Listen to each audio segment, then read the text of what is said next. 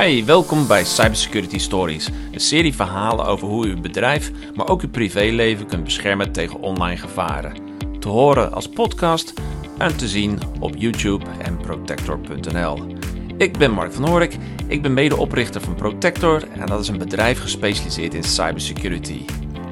En in deze aflevering praat ik met Frank Dap, medeoprichter van Protector IT Security over wachtwoorden.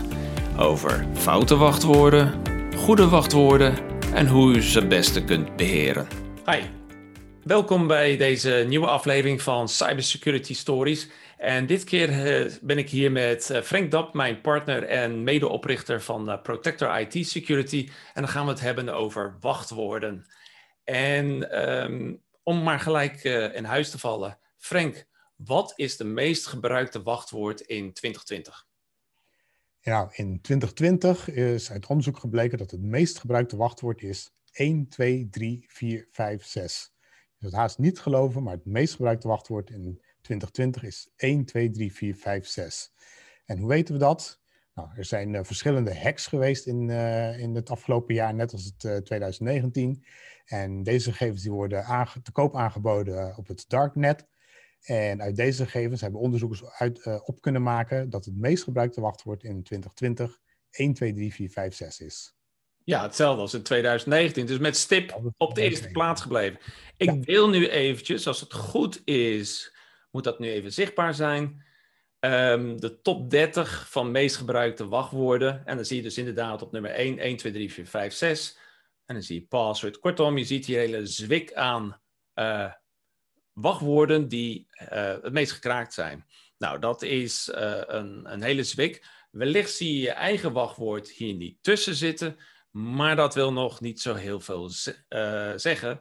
Want um, waar, wanneer heb je eigenlijk een slecht wachtwoord? Nou, daar uh, kan je wel een aantal punten in herkennen. Het wachtwoord is uh, meerdere keren gebruikt. Dus je hebt het uh, voor je Facebook, je hebt het voor je LinkedIn, je hebt het voor je mail, et. Want het is lekker makkelijk, één wachtwoord om te onthouden. niet zo handig. Dat is dus een, een, slecht wachtwoordgebruik. Um, een tweede punt om na te denken is je wachtwoord erg kort. Dus maar acht karakters of tien karakters. Uh, ook niet handig. Hoe meer karakters je hebt, hoe moeilijker het is om te kraken. Is je wachtwoord uh, geïnspireerd door iets wat je op je Facebook uh, deelt? Naam van je hond, van je kat, je verjaardag, um, je favoriete artiest of het favoriete nummer. Alles wat dat mee te maken heeft, dat zou te kunnen achterhalen worden door naar jouw uh, social media te gaan uh, bekijken. Dat noemen we met een mooi woord OSINT, Open Source Intelligence. Met andere woorden, als iemand heel graag jouw wachtwoord zou willen kraken, um, dan hoeft hij alleen maar jouw uh, handel en wandel in, op social media na te pluizen. Nou, een ander slecht wachtwoord karakter is, is dat het allemaal kleine lettertjes zijn.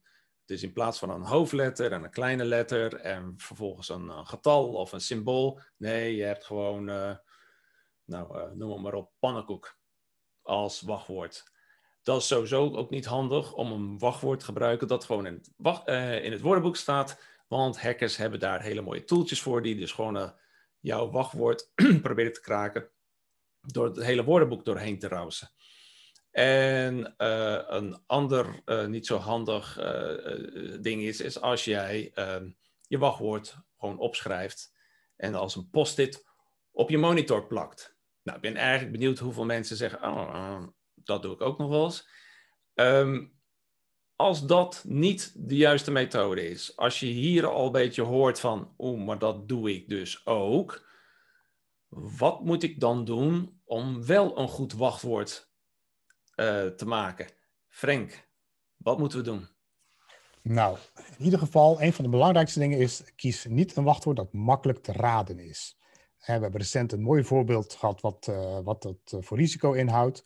De president van, van Amerika, Donald Trump, had voor zijn Twitter-account het wachtwoord MAGA 2020 uitroepteken gebruikt.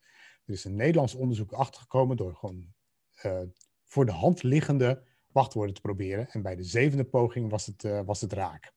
Dus gebruik geen wachtwoorden die makkelijk te raden zijn door bekende of door of gebruik geen informatie inderdaad op social media terug te vinden is. Daarnaast is het belangrijk om een wachtwoord zo lang mogelijk te maken, liefst 15 karakters of meer. Voor ieder karakter dat je een wachtwoord langer maakt, neemt het aantal mogelijkheden exponentieel toe. Dus hoe meer karakters je gebruikt in een wachtwoord, hoe beter. Daarnaast gebruik willekeurige tekens, hoofd- en kleine letters door elkaar heen. Uh, gebruik niet alleen kleine letters, want ook dat maakt het voor hackers makkelijker om een wachtwoord te raden, want ze hoeven immers minder karakters uit te proberen. Daarnaast is het van groot belang om voor ieder account een apart wachtwoord te gebruiken. Dus uh, de verleiding is groot om één wachtwoord, wat je makkelijk kunt onthouden, voor meerdere accounts te gebruiken. Maar realiseer je dat als je wachtwoord geraden wordt of gehackt wordt, uh, een hacker met dat wachtwoord tegelijk toegang heeft tot al je accounts. Gebruik ook geen uh, wachtwoorden uit een woordenboek, want hackers kunnen hebben software die alle woorden uit het woordenboek automatisch proberen. We hebben zojuist gehoord dat er een lijst is van de meest gebruikte wachtwoorden. Deze lijst is ook bij hackers bekend. Dus dat zijn ook de eerste wachtwoorden die zij zullen proberen. Ja, eigenlijk komt het er simpelweg op neer. Hoe makkelijker je het voor jezelf maakt, hoe makkelijker het is voor een hacker. Voor de hacker, inderdaad.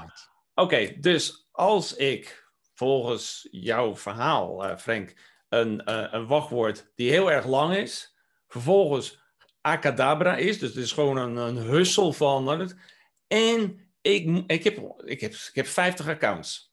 Van social media tot uh, boekhouden tot whatever. En dan moet ik voor elk account moet ik een ander lang door elkaar gehusseld wachtwoorden.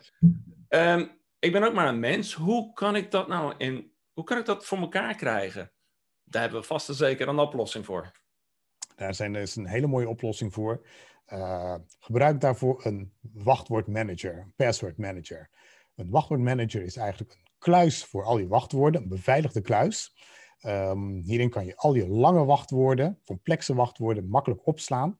En een goede wachtwoordkluis, een goede wachtwoordmanager zal voor jou wachtwoorden uh, invullen op de betreffende uh, sites, in de betreffende applicaties.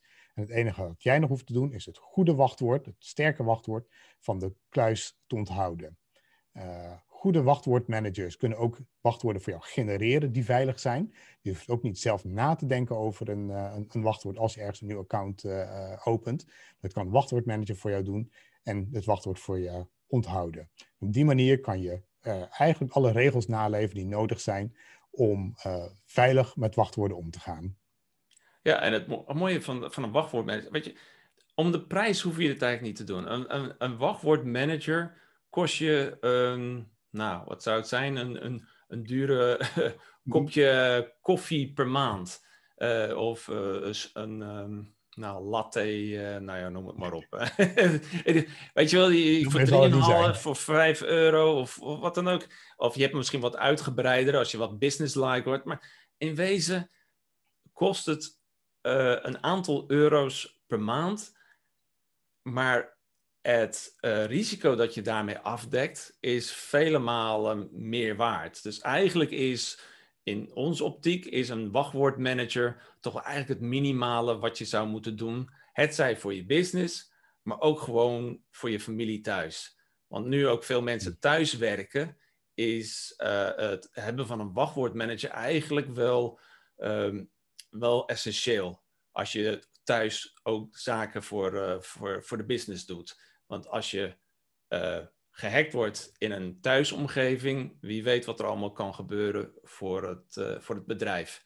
Nou, dat zijn dus al die wachtwoordmanagers. Ik heb zeg maar een beetje om, om dit onderwerp af te sluiten, want we hebben het eigenlijk allemaal over wachtwoorden gehad. Maar het zou nog mooier zijn als je niet alleen je wachtwoord, die je heel sterk hebt gemaakt, maar dat je daar een extra uh, veiligheids laag erop zet. En dat noemen we twee-factor authenticatie of in sommige gevallen noemen we dat ook multifactor authenticatie. Maar volgens mij, Frank, is dat een mooi onderwerp voor een volgende editie van Cybersecurity Stories. Want daar kunnen we ook weer aardig wat vertellen. Daar gaan we de volgende keer over hebben. Is goed. Oké, nou bedankt voor het uh, uh, luisteren en uh, voor het kijken. Um, als je dit soort informatie interessant vindt, abonneer je dan op onze cybersecurity stories. Want dan krijg je altijd heel snel door wanneer we een nieuwe aflevering hebben. Ehm, ik zou zeggen, tot een volgende keer. Tot de volgende keer.